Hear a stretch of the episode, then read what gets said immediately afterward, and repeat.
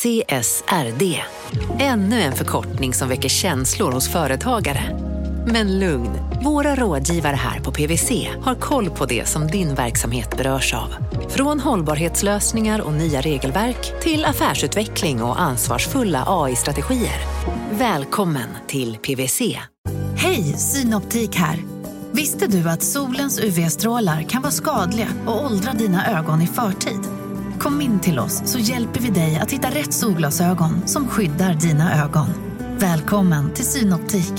Välkommen till Unionen. Hej! Eh, jo, jag ska ha lönesamtal och undrar om potten. Ja, om jag kan räkna med övertidsersättning för det är så stressigt på kontoret jag jobbar hemma på kvällarna så kan jag då be om större skärm från chefen för annars kanske jag säger upp mig själv. Och hur lång uppsägningstid har jag då? Okej, eh, vi börjar med lön. Jobbigt på jobbet. Som medlem i Unionen kan du alltid prata med våra rådgivare.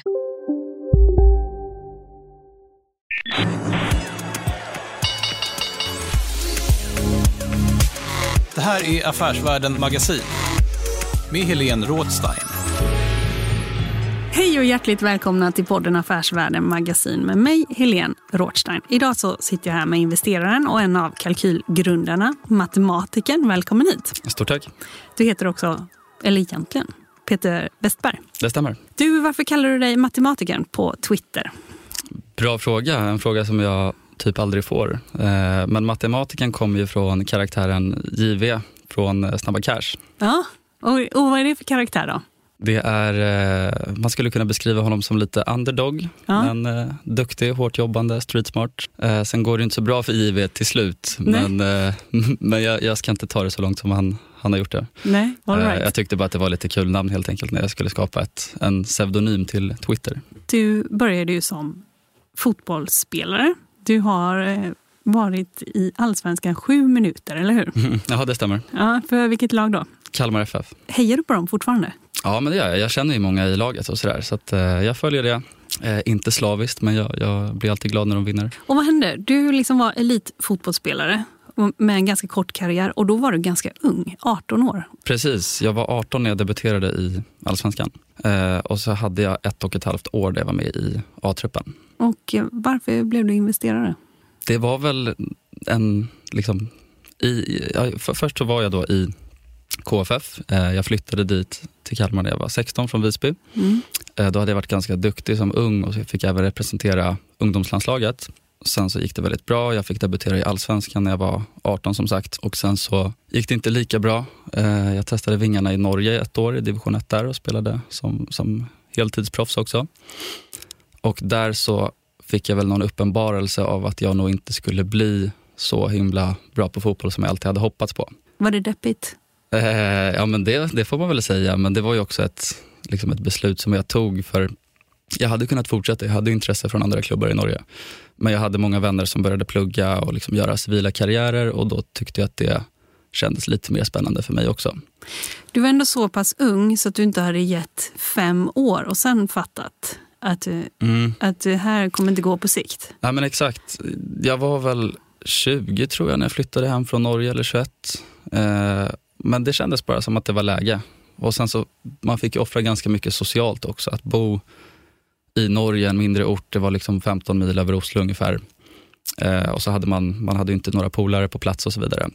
Så det kändes som att då kunde jag plugga, spela fotboll och få hänga med mina polare liksom, om jag flyttade tillbaka till Kalmar. Var det i Norge som du blev intresserad utav börsen? Det stämmer. Eh, där hade man ju så himla mycket fritid så att, eh, då satt man ju och, och spelade Fifa hela dagarna när man inte tränade.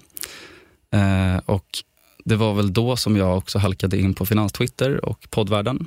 Och eh, då följde man väl framförallt Niklas Andersson, investeraren, och eh, tyckte att det, det var ganska häftigt det här med ränta på ränta. Eh, så då, då började man liksom följa folk på Twitter, eh, gjorde mina, min första investering också, Mm. som såklart gick åt pipan. Hur mycket pengar var det? I absoluta tal var det inte så mycket. Det var väl 10 000 kan jag kanske förlorade. Men jag investerade 15 000 i ett biotechbolag. Och sen så förlorade jag 75 procent av det kapitalet. Så det, var, det, var en, eh, det var en snyting såklart. Och vilket bolag var det? Gabater. Ja. Och eh, de var i någon fas eller? Ja, utvecklingsfas, eh, fas 1 eller 2. var en polare i mitt lag som rekade det och eh, som sa liksom att det här har ju typ 1000 procent uppsida. Ingen risk. Eh, och det, det nappade man ju på så ung och dum som man var då. Mm. För gånger tusen har det ändå blivit ganska mycket pengar. Ja, exakt. Eh, Eller hur? Ja, det vet ju man om man också kallar sig matematiker. Ja. Men, men eh, det blev det inte. Men ändå så fortsatte du. Varför? Eh, ja, men jag hade väl insett att om man var långsiktig eh, med liksom att låta kapitalet jobba för en eh, och så, så var det inte så jättesvårt att räkna ut att man kunde skapa en väldigt stor guldkant på sin tillvaro. Eh, så det förstod jag väldigt snabbt. Att så här, ja, men blir man duktig på det här så, så kommer man ju ändå kunna, ja, men bara no, om några år, så, eftersom att då, som du säger, jag kallar mig själv för matematiken, så kunde man ju räkna ut att ja, men då kan jag tjäna mer pengar på det här än mitt jobb, liksom, om, om jag räknar på en medellön. Eh, så att det kändes ganska givet att liksom gå all in och försöka bli väldigt duktig på det. Och då så började du investera i några amerikanska bolag. Mm, efter det så, ja men jag, jag köpte lite Netflix, lite Apple, lite ICA. Ja. Eh, var de investeringarna jag gjorde Ja. efter det. När ICA fanns på börsen. Ja. Ja. Och då gjorde man väl eh, lite mer research och hade en lite mer långsiktig approach. Och man jagade inte de här tusen procenten på ett år utan då förstod man att ja, men det räcker ju faktiskt om man kan prestera 10, 15, 20 procent per år så kommer man otroligt, otroligt långt på det. Men idag, vad är dina största innehav idag? Idag så äger jag ett bolag som heter Vertiseit som är det största innehavet. Mm. Och sen- Varbergsbaserat. Varbergbaserat, det stämmer bra. Ja, ja. Eh, och sen så har jag ett bolag som heter Sea Limited som är eh, ett bolag som är baserat i Singapore. Och sen eh, har jag SmartEye och Mercado Libre och Evolution. Några svenska, eh, Mercado Libre är på det Sydamerikas Amazon. Och Sea Limited, det är Asien. Finns det någon röd tråd här? Mm, mellan Sea Limited och Mercado Libre finns det extremt många likheter. Mm. Eh, annars finns det nog faktiskt ingen jätteröd tråd. Det är väl att eh, det är entreprenörledda bolag med mycket skin in the game. Eh, framförallt då med mycket fokus på ja, men att det är bra människor bakom och en fin story. Ja, men vi tar några. Vi tar Sea Limited. Va- Varför har du investerat i dem och när gick du in? Eh, Sea Limited köpte jag för två år sedan ungefär tror jag. Och det är ju ett bolag som de har tre olika affärsben. De är stora inom e-handel, gaming och även då fintech som är ett ben som håller på att växa fram just nu. Och precis som då namnet antyder så opererar de i Sydostasien. Det är därför då de heter SEA, alltså South East Asia. Och de är ju marknadsledare på typ alla betydande marknader som de är på. Eh, har liksom exekverat väldigt väl. De har ju slagit eh, Alibabas dotterbolag Lazada på fingrarna i Sydostasien. Har de? För jag skulle precis säga, de är lite lika Alibaba eller? Ja, men det, det finns likheter. För det är ju en så kallad marknadsplats som de bedriver som heter Shopee. Eh, och jag tror att på Shopee på bara liksom sex år har växt till att bli större än Shopify till exempel. Eh, när det kommer till omsättning och växer mycket snabbare. Så att de har gjort någonting väldigt, väldigt bra här. Sen har det varit lite kortsiktigt stök i det bolaget men långsiktigt så tycker jag att storyn är intakt. Och eh, stöket som vi pratar om, vad är det? De har haft lite strul med Indiens regulatorer, deras största spel, Free Fire, som har varit liksom största kassakon som har finansierat resterande delen av verksamheten. Den har börjat trenda lite sämre. Eh, sen har det varit en försäljning av eh, största ägaren Tencent i bolaget till exempel, som fick många att höja ögonbrynen. Så Men att, inte eh, dig? Nej. Eh, Jag tyckte väl att det var ganska rimligt att de sålde av lite för det behövdes göras för att de skulle undvika problem med Indiens regulatorer. För Indien har ju bannat mycket, eller alla liksom kinesägda appar. Eh, Men det här åkte ju de på ändå. Så att då blev ju helt enkelt Free Fire bannat. Och sen så har ju även eh, nu de klivit ur faktiskt precis nu med Shopee från Indien. För jag antar att de de tycker väl att regulatorerna är ganska oberäkneliga. Så att det är inte värt att liksom plöja ner jättemycket kapital för att växa i den marknaden och sen så vips så blir man bannad. Eh, Även om den risken är väldigt låg så känns den, säg att den bara är några procentenheter så är det inte värd att ta. Om man ser på sikt, vad hoppas du ska växa? Om, vi pratar här lite om Alibaba och de har ju det här finansiella benet. Och det kan man också se, Mercado Libre har väl också utvecklat ett eh, att man, ska, alltså, att man skapar betalningslösningar för det man också säljer eh, själv. Liksom man skapar det som ett ekosystem. Om vi tar det till Limited, vad, vad tror du på sikt kommer liksom växa bäst? Eller vad, vad, vad tittar du på här framöver? Mm, på sikt så har väl alltid för min del varit, caset varit då, alltså Shopee i handelsbenet och sen även då fintech som kallas för C-money. Mm. Och det är som du säger, eh, alltså e-handel har ju varit ett bra hem för optionalitet historiskt. Du har ju Amazon som blev AVS Du har Mercado Libre som blev Mercado Pago, alltså deras inhouse betalningslösning. Du har C-Limited som blev eh, C-Money, du har Alibaba and Financial, du har JD som blev JD Logistics till exempel. Så att jag tycker att e-handel ofta liksom har haft en väldigt bra optionalitet och växer. Liksom man, man, får många tentakler i många olika branscher från, från att ha det som liksom bas. Men om du ska sammanfatta det då, vad, lite kort? Eh, då skulle jag säga att då får man exponering mot tre av världens mest spännande branscher utifrån tillväxt eh, och marknadsstorlek. Och sen så är det ju världens kanske mest spännande region också, viktigt att poängtera, eh, när det kommer till tillväxt kommande 10-15 åren. Och det är ju då Sydostasien där vi har en befolkning som är till ungefär 75 procent unbanked eller underbanked. Så att antingen har man en fot eller båda fötterna utanför det finansiella systemet. Och det här kommer ju då gradvis bli mindre, precis som alla andra regioner i världen. Eh, och sen så är ju då som följd också e-handelspenetrationen väldigt låg. Den är ju beroende på vilken marknad du kollar på så är den ju typ 5-10 procent. Eh, och jag tror att de marknader där liksom e-handelspenetrationen är som högst är väl Kina och Storbritannien. Och där är den ju typ 30 procent. Kan man räkna så att eh, liksom, de leder och sen så kommer alla andra gå efter? Alltså e-handel växer ju på alla kontinenter i alla fall och har gjort det liksom väldigt konsekvent. Eh, sen, att, sen behöver ju inte penetrationen bli exakt 30 procent även i Sydostasien. Men jag tycker ändå att man kan få liksom någon form av så här smakprov eller indikation på att det faktiskt borde växa där med. Ja, för hela infrastrukturen måste fungera väldigt väl med mm. e-handel. Och gör den det i Sydostasien? Ja, i och med att det växer så pass mycket nu så verkar det i alla fall som att det, det, det börjar fungera.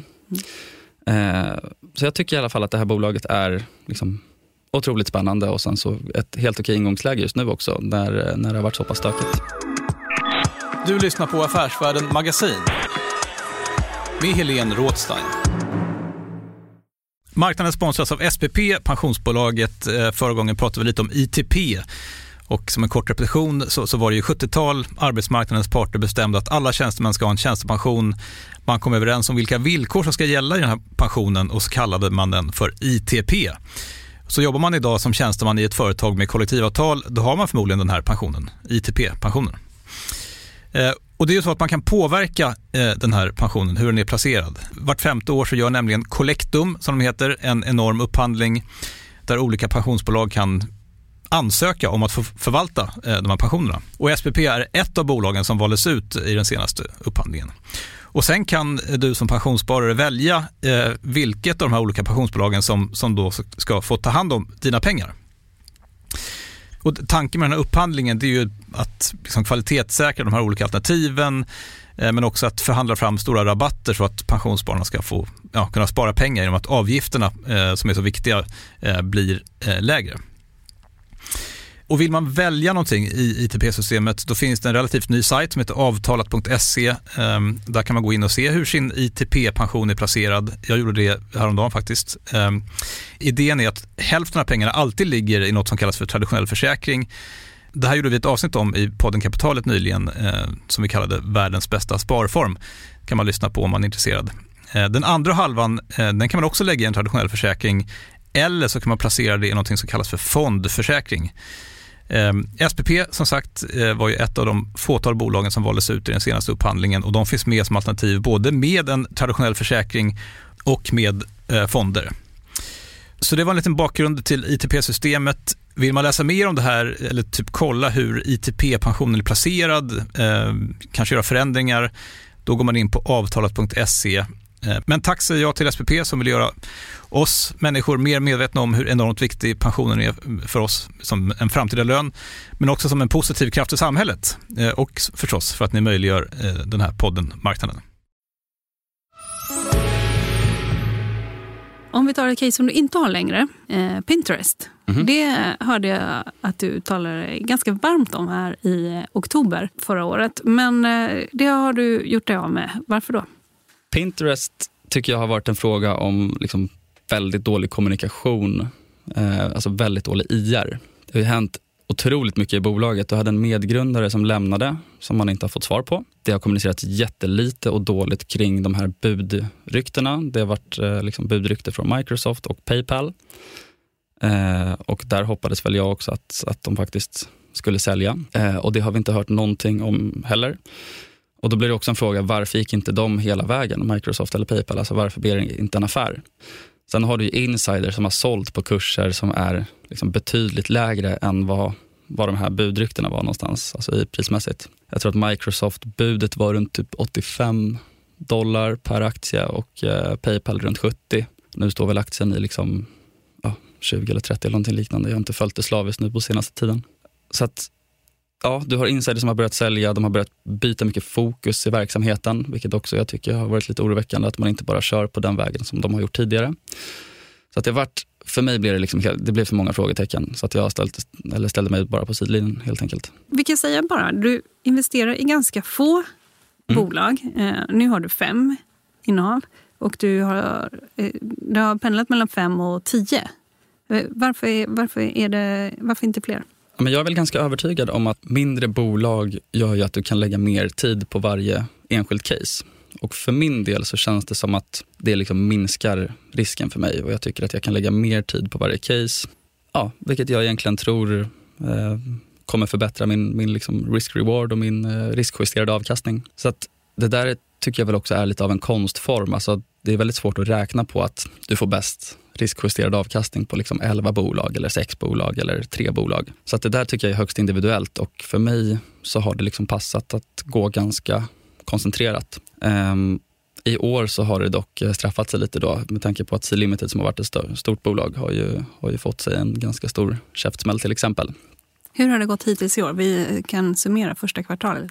kvartalet. För, första kvartalet slutar på ungefär minus 25 procent. Ah, Sen nej. har vi krig i Europa också. Det har vi ja. Men innan dess hade jag väl 40 procent kagger ungefär de senaste fyra åren. Mm. Uh, mm.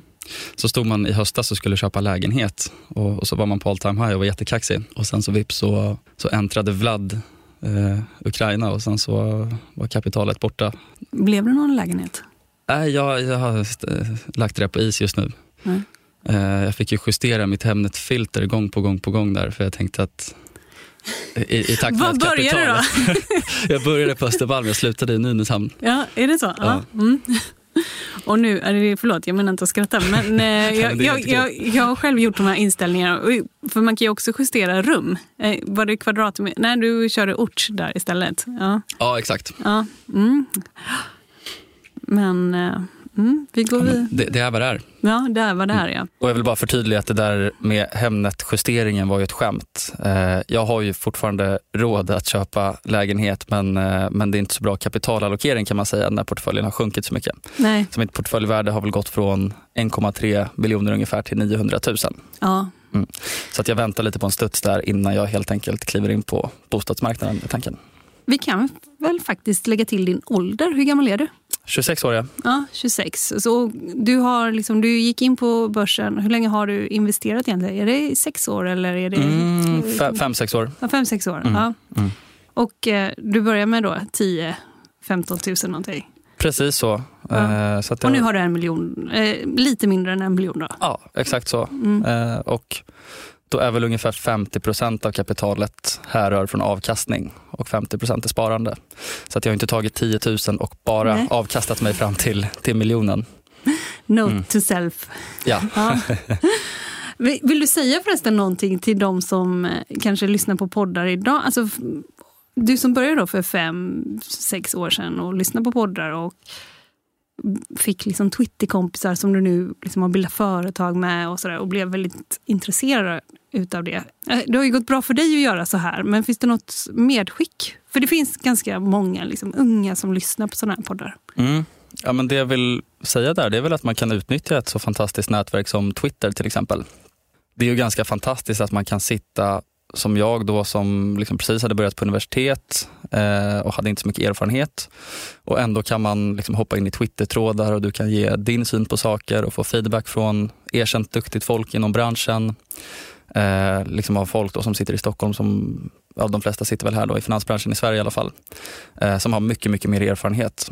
Eh, så att det är väl att våga, våga ta för sig, våga liksom haka på, ge sin åsikt. För du eh. hade ändå betraktat det som jag förstod tidigare när vi pratades vid lite grann. Du har ändå varit en åskådare, Twitter-åskådare mm. ganska länge innan du själv började tweeta grejer och ta kontakt och så. Det stämmer. Det var väl att man läste bara på Twitter i kanske, jag vet inte, ett och ett halvt år. Mm. Eh, och sen så fick man väl någon uppenbarelse om att ja, men här kan jag flika in. Jag tycker att den här åsikten är kanske bättre än det som har skrivits i tråden nu. De här har ju, har ju fel eller mm. det här borde liksom modifieras på något sätt. Och, eh, så då, då, fick man väl ett sug som sakta byggdes upp i takt med att man fick lite mer kött på benen och mer kunskap också. Så till slut så då drog jag det plåstret och tänkte att nej, men nu skapar jag också ett konto för jag, jag vill liksom in här själv i diskussionerna. Kommer du ihåg första gången som du fick kontakt med någon som var etablerad? Då? Mm, ja, det vill jag nog inte...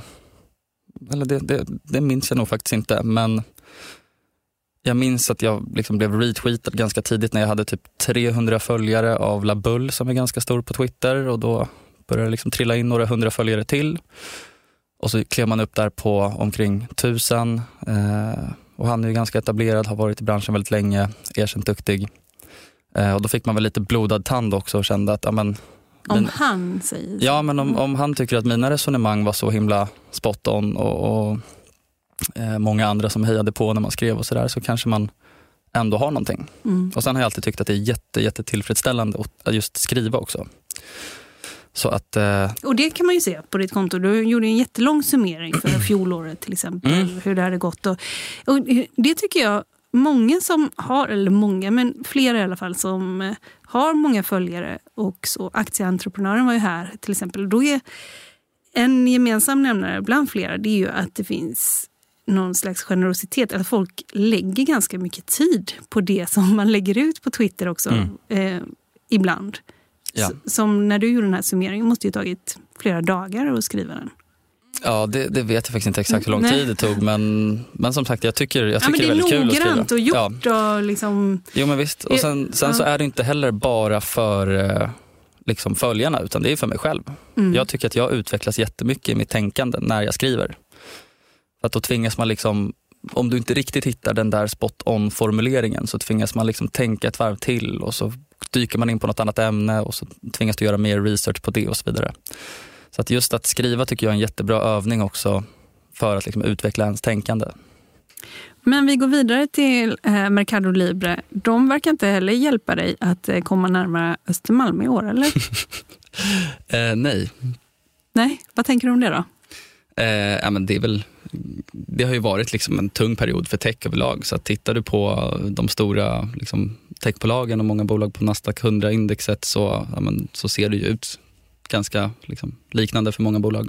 Eh, och Det här är ju också liksom hög beta-case. Alltså bolag som eh, de har liksom en lönsamhet som ligger, jag tror de har en vinstmarginal som ligger omkring liksom, 1% eller något liknande. Och de eh, växer väldigt, väldigt snabbt. Så att det är eh, det här är ett typiskt case som brukar liksom röra sig väldigt bra aktiekursmässigt då, eh, när det liksom är goda tider. Men när det liksom svänger tillbaka och blir liksom att risksentimentet försvinner helt och hållet så eh, ja, då tar sådana här case mycket stryk. Och Det är bara helt enkelt vara medveten om det och acceptera det om du då ska investera i sådana här bolag också.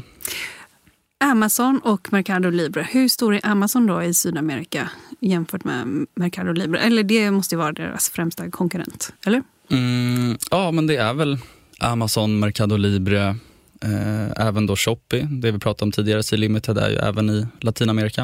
Eh, men Mercado Libre är ju liksom väldigt dominanta i Latinamerika och framförallt Brasilien. Jag tror att market share för dem är runt liksom 50% eller någonting liknande. Amazon har haft det ganska tufft i Latinamerika. De äntrade ju redan 2012 tror jag, men lanserade Prime typ 2019.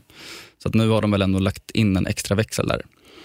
Men ett bolag som Amazon har ju så otroligt mycket annat att fokusera på och därav så har ju Mercado Libre också växt liksom mycket snabbare. De kan den lokala marknaden eh, och de bygger liksom upp ett, ett liksom jätteekosystem där. Jag tror att 90% av det som sker, alltså den handeln som sker via deras plattform, eh, går också via deras egna logistiksystem.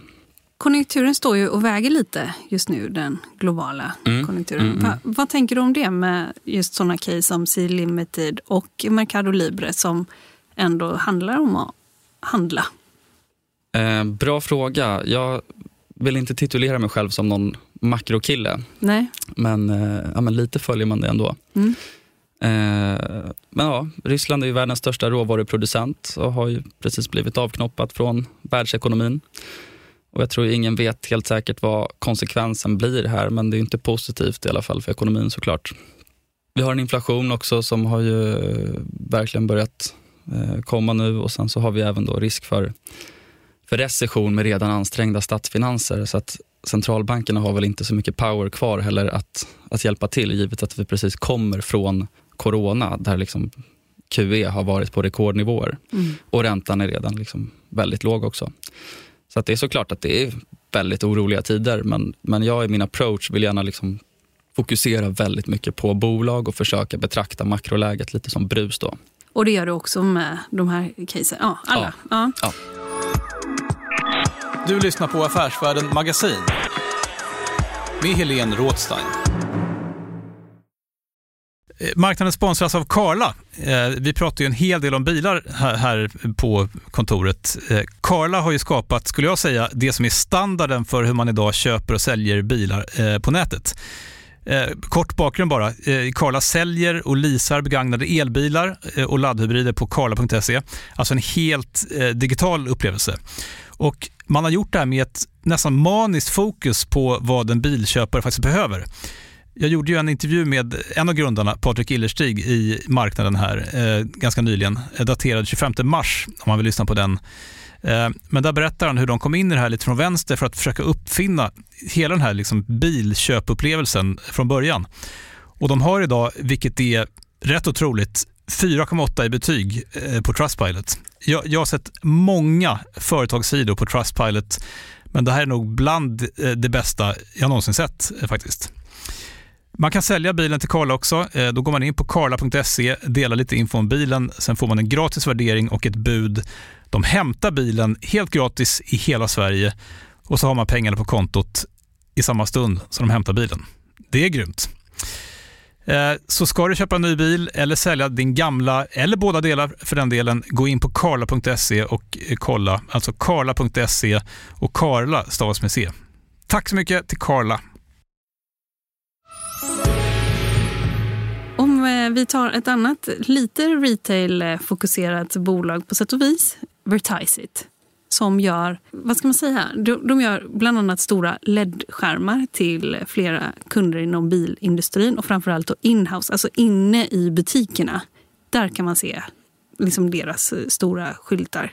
Och eh, de har, vad har de för kunder? Volkswagen har de till exempel. Och, Mm. eh, Lamborghini, Ja. eh, BMW mm, till exempel, Uniqlo, mm. klädkedjan, den japanska. Och eh, vad är det som är så svårt med det som de gör då?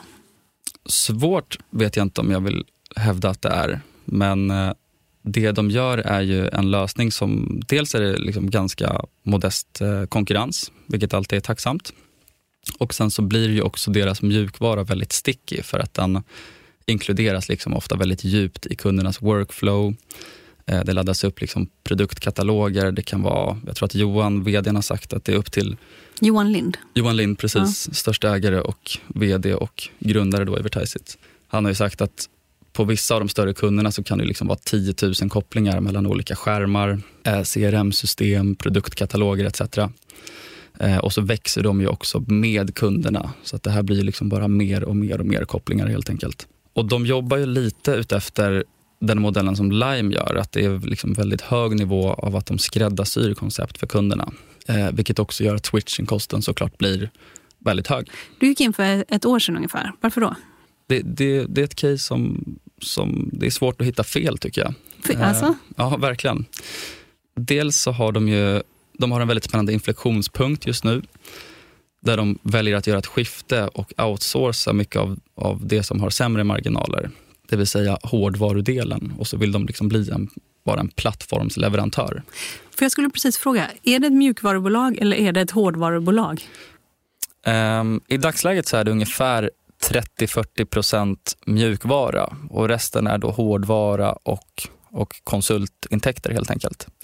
Ehm, men mjukvaran kommer ju bli en större del av totalen härifrån och jag tippar att ja, 2024-2025 skulle det kunna vara 60 Men det är också så man ska betrakta marginalerna när man tittar på dem. Då, då ska man tänka att det här är ett mjukvarubolag i framtiden. Då. Ja, eller det, det är lite det som är caset här. Mm. Att jag tror att det kan ske en multipel expansion för att caset kommer gradvis liksom röra sig mot att betraktas som ett SAS-bolag mer. Och det kommer inte få en renodlad SAS-multipel tror jag inte, men i alla fall mer utav det. Det har ju ganska högt P tal Vad tänker du om det? Jag tänker att det har på liksom P talet idag är väl sekundärt vad det kanske handlas till 2024.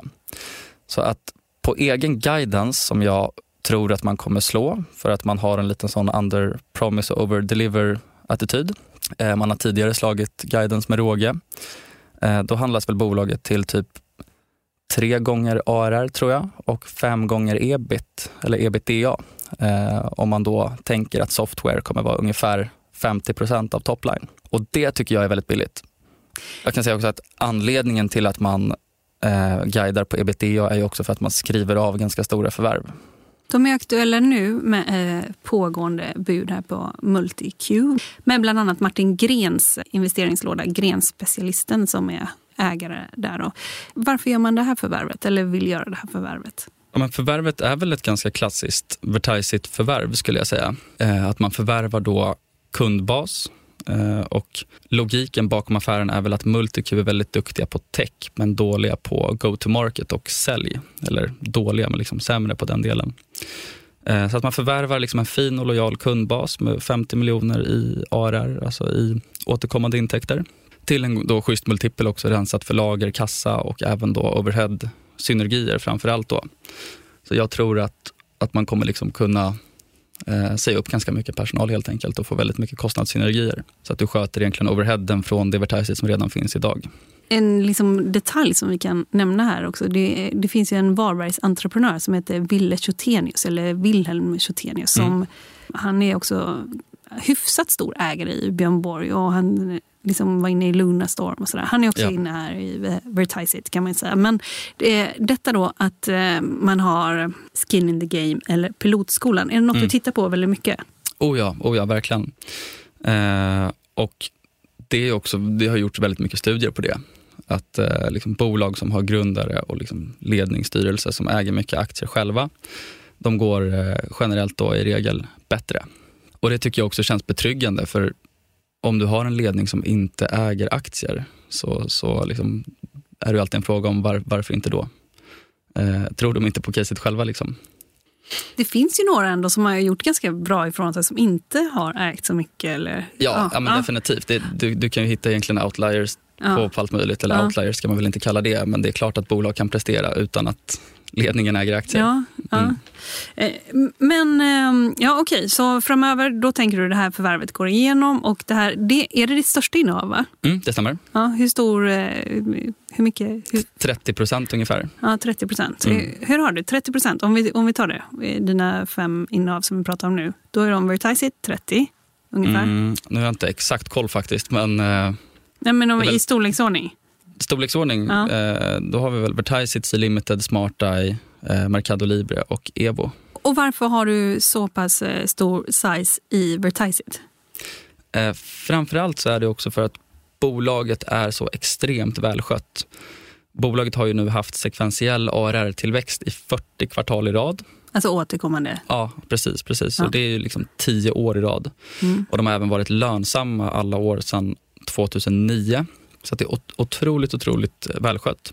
Och nu har vi den här inflektionspunkten att liksom marginalstrukturen kommer att förändras. Eh, du har också ett börsvärde som, som ligger egentligen helt perfekt och skvalpar runt den här klassiska fondtröskeln. En halv miljard ungefär. En halv miljard ungefär, så att nu börjar ju liksom institutionerna troligtvis titta på det här. Eh, de, de har även fått in lite spännande nu när de har gjort, de gjorde en, en emission eh, i samband med förvärvet av Grassfish också, där de fick in väldigt bra ägare i form av Protean Capital och Alcur Grow också. Och sen som sagt, gillar verkligen management. Eh, det är liksom entreprenörlätt och eh, Johan känns som en entreprenör ut i fingerspetsarna. Han bara brinner för det här. Du har ett insiderägande på omkring 50 procent om vi också inkluderar de aktierna som, som Grassfish-grundarna fick då i samband med förvärvet.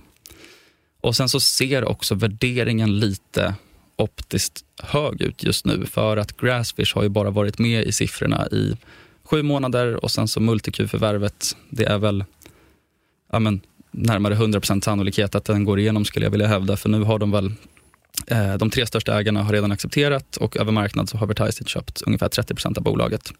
Så tillsammans så har de ju typ 76%. Och acceptfristen för förvärvet kommer löpa ut i eh, april, jag tror det är 27 april eller någonting liknande. Ja ja. Så att, kortfattat så ja, eh, det är väl därför jag vågar sajsa. Jag, jag ser liksom inget fel med bolaget och jag tycker att alla de variablerna som jag lägger mycket värde på eh, ser väldigt, väldigt bra ut i bolaget. Om vi vandrar lite norrut till Göteborg, från Varberg. Mm. Ja, då har vi SmartEye, Mm. eh, som är ett annat case här. Varför har du dem? SmartEye är ju, om man ska sammanfatta caset då, Ehm, så är ju det en av de starkaste aktörerna på sin specifika mjukvara till fordonsindustrin. Där då lagstiftningar just nu sjösätts och därmed då tvingar bilindustrin att börja adoptera den här mjukvaran. Och om de inte är bäst så är de väl åtminstone näst bäst när det kommer till då att leverera avancerad AI-mjukvara då inom Driver Monitoring Systems, alltså det som kallas för DMS. Och DMS kan då kort och gott mäta och avgöra med kameror vart en förare tittar, vilket då bidrar till högre säkerhet i trafiken. Så att det är lagkrav som kickar in nu mellan 2022 och 2025 då, som kommer egentligen tvinga hela bilindustrin, det är liksom USA, Europa, Kina, eh, att adoptera den här tekniken då helt enkelt. Och där är då smarta om man tittar på de upphandlingarna och kontrakt som har skett hittills, alltså så kallade design wins, så har de ungefär 70 procent av marknaden. Och det som är så himla tacksamt med SmartEye, det tycker jag att du har en hög visibilitet för det är ett duopol mellan SmartEye och närmsta konkurrenten Seeing Machines. Eh, så att det är ungefär de som har mer eller mindre hela marknaden. Och när man räknar på det här så skulle SmartEye kunna halvera sin marknadsandel från det de har idag. Eh, och ändå tycker jag att man kan få hem liksom caset till en hygglig kagger. Eh, vad är det för skillnad då mellan den största konkurrenten? Eh, de har väl lite annat fokus, Seeing Machines. Eh, de är väl starka inom till exempel aviation, alltså flyg och så vidare. Eh, men annars så, så är de ju liksom ganska lika. De har lite annan approach faktiskt till, eh, till att sälja in mjukvaran, är väl värd att tillägga. Och det är ju att eh, är inte beroende av vilken hårdvara som sitter i bilen utan deras mjukvara skulle kunna sättas in liksom på alla bilar. Mm. Medan då Seeing Machines har, eh, har liksom specifika samarbeten så att de är liksom mer beroende av vilken hårdvara som sitter i bilen. Och det, det återstår väl att se lite vilken som är den bästa liksom säljapproachen där. Kursen har ju backat nästan 50 procent på ett år. Vad tänker du om det? Eh, inte så mycket faktiskt. Jag sitter still i båten och tror liksom att caset kommer att införlivas nu de kommande åren. Eh, och vad det liksom kostar idag, jag tycker liksom inte att det spelar någon roll om det går upp 20% eller ner 10% till. Jag tittar inte så mycket kortsiktigt. Jag är liksom rätt övertygad om att min tes för 2025-2026 då, det är den jag liksom tittar på. Jag presenterade här innan och sa att du är från Kalkyl eh, och ni gör bolagsanalyser, uppdragsanalyser och ni har bloggar och lite sådär. Eh, Spotlight köpte ju er också. Stämmer. Ja, blev du, var det mycket pengar? Eh, beror på vad du menar med mycket pengar. Men, eh, Du har fortfarande inte köpt lägenheten? Eller? Ja. Nej, det stämmer. Ja, det, det, okej, var vi inte så här, det inte Ja. extremt mycket. Ja. Och där finns eh, också eh, ni som eh, är då på Kalkyl. Det är Oliver Hamrin, professor Kalkyl heter han på Instagram, eller på så här, men Twitter. och sen så är det du och sen så är det Carl Philip Silversköld som han heter på Twitter, men som egentligen Ja. heter Pontus Fredriksson. Yes, Och sen så är det också en ny, nytillkommen vd, David Uner. det stämmer. Ja. Ja, men precis. Det är de och sen så eh, har vi även fått tillskott i form av Magnus Skog som senast har varit på Erik Penser Bank och sen så en kille som heter Ludvig Karlsson som börjar faktiskt nu på måndag som har varit ma analytiker på KPMG. Så vi har faktiskt dubblat eh, våran styrka sen i höstas utan att faktiskt lägga ut en enda anställningsannons också. Så det här är bara sånt som faktiskt har trillat in eh, av sig självt. Så att eh, någonting har vi gjort ganska rätt med vårt brand känns det som. Och vår employer branding. Är ni i rätt kanaler? Liksom? Ja, jag skulle säga att vi är delvis eh, så är vi i rätt kanaler. Eh, och sen så tillåter vi också liksom väldigt stor flexibilitet, vilket jag tror att många uppskattar. Eh, och vi liksom tycker att det är viktigt med en hälsosam balans under vardagen och vi säger att vårt huvudkontor ligger i Slack. Så att 50% sitter på Stureplan och 50% sitter i Slack i molnet. Eh, och vi har liksom en ganska decentraliserad approach också.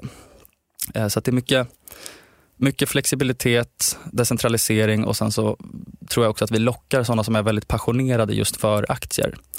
För Men, det, men eh, tjänar man mycket pengar? på, på aktier eller på, på lönekuvertet i kalkyl? Vilka- Lönekuvertet? Eh, Kan ni locka med det? Ja, alltså, jag tror inte att vi liksom har ett bättre lönekuvert än de andra, liksom, vet du de, de andra analytikerfirmorna i stan. Men eh, jag tror framförallt som sagt att vi får en, en liksom, väldigt bra attraktionskraft i och med varumärket. Att vi, vi brinner för det här, vi tycker att det är väldigt kul. Vi, till exempel i Slack så har vi också eh, enskilda kanaler där vi liksom uppmuntrar för att, för att snacka om aktier, alltså att man kan föra resonemang. Så att det skrivs ju mycket liksom om olika bolag på Slack hela tiden. Så att vi liksom vill ha den kulturen att det, det ska vara liksom aktiefokus, att folk ska tycka att det är väldigt skoj. Och det är väl nästan ett krav vi har också när vi anställer att man ska också vara privatinvesterare. Det tycker vi är en väldigt stor del av jobbet. Och förresten så eh, ville David att jag skulle hälsa till dig också. Jaså, David Ja. Runar? Ja, precis. Det är faktiskt ganska kul för att det är ju flera lyssnare här. Vi, den här podden slukar en annan podd som heter Finanspodden som han drev tidigare. Så att Mm. det är faktiskt flera lyssnare som har följt med till den här podden tack vare hans podd. Ja, vad kul, du får hälsa tillbaka. Vi har ju faktiskt aldrig träffats. Jaha, okej. Eh, Fast vi har liksom samma lyssningsfeed här. All right. Jag tolkade det som att ni typ var bekanta. Ja, I've never seen that man in my life. Eller något vad Clint- Clinton sa. Nej, men jag har faktiskt inte det. Nej. All right. Ja. där ser man. Ja. Men det hade varit kul att se. Så hälsa tillbaka. Ja, Det ska jag. kul. Det ska Mm. jag. Vad, ni skriver analyser. Hur många ska ni vara per vecka ungefär? Hur många analyser vi skriver per vecka? Ja. Eh, oj, det är väl... Eh, ja, jag vet inte, två i veckan kanske just nu. Ja, två i veckan. Mm. Är det högre tryck nu eller lägre när det har varit så volatila, osäkra tider? Eh, vi har väl tyckt att det har blivit lite högre tryck. Mm. Eh, och Det beror väl också på att bolagen som, som vi tittar mycket på, de är ganska, eller som vi har samarbetat med, de är ganska små. Eh, många är beroende av nytt kapital, så att har man liksom en utestående täckningsoption eller någonting liknande och ska in, ta in nytt kapital så vill man gärna kommunicera någonting till marknaden för att få en rättvis kurs också. Eh, när liksom marknaden bara, ja, när Mr Market tar över och liksom allt säljs. Eh, det är många kurser som har liksom blivit slaktade med 50-60 procent. Liksom. Och då är det inte lika kul att ta in nytt kapital. Eh, så att vi har väl märkt en, nästan en ökad efterfrågan faktiskt för våra tjänster nu. Jag tycker det nästan är lite gulligt. Du satt där i Norge och så, så fick du lite kontakt med folk på Twitter. Och du har Mm. använt dig av Twitter ganska mycket också för att hitta nya investeringar och sådär. Och en här, det är ju just de som du sitter tillsammans med nu med kalkyl. Exakt. Vad tänker du om det? Ja, men jag tänker väl att det, det säger lite om Twitter, alltså vilken fantastisk plattform det är. Att vi, vi hittade varandra genom att liksom bolla case och liksom dela våra tankar och, och liksom ge varandra feedback. Eh, och sen så mynnade det, det där liksom den passionen och det intresset ut i någonting ännu mer, att vi ville skapa en egen plattform för aktieanalys. Och, eh, ja, och nu sitter vi här då, eh, Mm. några år senare helt enkelt och, och har liksom sålt bolaget, vi jobbar med det heltid eh, och det är såklart liksom väldigt, väldigt coolt. Mm. Och jag hade ju faktiskt inte ens träffat Oliver in person när vi sålde bolaget. Eh, vilket också säger lite om den världen vi lever i. Mm. Det tycker jag är, är ganska häftigt själv. Så att, att man liksom kan sitta på varsin kammare, han i Varberg och jag i Kalmar. Och sen hade vi även då Pontus i Kalmar. Är det någon annan utom du, nu går vi till sista caset där, som äger Evolution? Ehm, det är, eh, tror både Oliver och Pontus. Jag vet att Oliver äger Evolution i alla fall. Mm. Eh, och eh, vad, vad tänker du om det? Har du minskat i Evolution? Det är ditt eh, minsta innehav. Mm, ja, jag har väl minskat lite. Eh, men jag, det är nog mer för att jag har tyckt att jag har hittat andra intressanta case än att jag har blivit bearish på Evo. Är det så? Ja. Mm, mm, mm. Drömmen om Amerika lever. Ja, men det gör den i allra högsta grad skulle jag säga. Och du har inte låtit dig skrämmas av den här blankningsrapporten som kom och att de var på marknader där man inte skulle vara, där fanns eh, från USAs håll och så? Nej? Eh, nej, faktiskt inte. Jag, jag betraktar väl lite det som ett non-event eftersom att det känns ganska orimligt på många sätt att straffa Evo för vad deras kunder, alltså operatörerna, tar in för kunder. Mm. Eh, så att Nej, jag, jag, har inte blivit särskilt skrämd av det. det. det. var ju faktiskt information som även fanns tidigare. Eh, men det liksom blev, ja, det blev väldigt belyst då. Eh, men, mm. vad, vad, tycker du man ska hålla koll på då med Evolution här framöver? Vad håller du koll på här? Ja, men I Evo så är det väl det är mycket USA tycker jag som är caset. Och, och då ska vi komma ihåg att USA är väl 10% av topline liksom än idag och det kommer ju bli världens största online kasinomarknad på sikt. Mm. Eh, och det sagt så skulle även tillväxten till och med liksom kunna accelerera igen. Liksom om USA, om, om de eh, klubbar igenom liksom att live-casino får, får bedrivas och distribueras där eh, ganska snabbt så, så, känns det som att tillväxten skulle verkligen kunna komma igång otroligt mycket där. Eh, och det är väl liksom dels det som är caset och sen så har du också det fina med att det är en ganska obskyr nisch det verkar inte vara så många aktörer som vill in och liksom ta marknadsandelar här och det är väl också för att branschen ja, man är lite halvsmutsig. Alltså just att det är gambling. Mm. Tittar du på något just nu som ett nytt case att ta in? Sådär som du tänker, ja men det här kanske ändå ska... Det här är ändå något som jag tittar på. Mm, nu har jag faktiskt följt min liksom, befintliga portfölj eh, ganska mycket så att jag har inte tittat så mycket på nya case faktiskt. Eh, eller jag har tittat lite på, det är ett bolag som heter Usve. Eh, Polygene har jag tittat på. Det är ja. lite olika case där, men inget som har, har nått portföljen än i alla fall. Och sen så ska ni åka iväg också såg jag, till Amerika. Själva. Det stämmer bra. Det stämmer bra. Vad ska ni göra? Vi ska besöka Berkshire Hathaways årsstämma. Mm. Så att det blir flyga till eh, Chicago, jag och Oliver och sen så får vi med oss en kille som heter Tobias också, en kompis som bor här i Stockholm. Och så bilar vi sen vidare från Chicago till Omaha. Och sen så där så ska vi kolla på Buffetts hus, eh, hans favoritrestaurang, eh, kontoret, McDonalds. Vi ska göra alla de här måstena såklart och sen så ska vi självfallet på årsstämman. det ska bli väldigt kul och sen så flyger vi faktiskt vidare till den andra sidan av det kapitalistiska myntet efter det. Så ska vi spana på Wall Street och The Charging Bull och New York helt enkelt. Åh, vad kul. Ja, det ska bli otroligt kul. Jag säger tack till dig. Och om man vill följa vad ni hittar på för något och om man vill följa dig så är det lättast va? Matematiken på Twitter. Ja, matematiken på Twitter, eh, kalkyl på Twitter. Ja. Det är väl där som, som man kan följa mig. Jag säger tack så mycket för att du var med i podden Affärsvärlden Magasin. Peter Westberg heter du. Tack själv. Du har lyssnat på podden Affärsvärlden Magasin med mig, Helene Rådstein. Mer information och reportage, intervjuer och analyser hittar du på affärsvärlden.se. Och den här podden, den är tillbaks om en vecka. Håll ut! Hej då!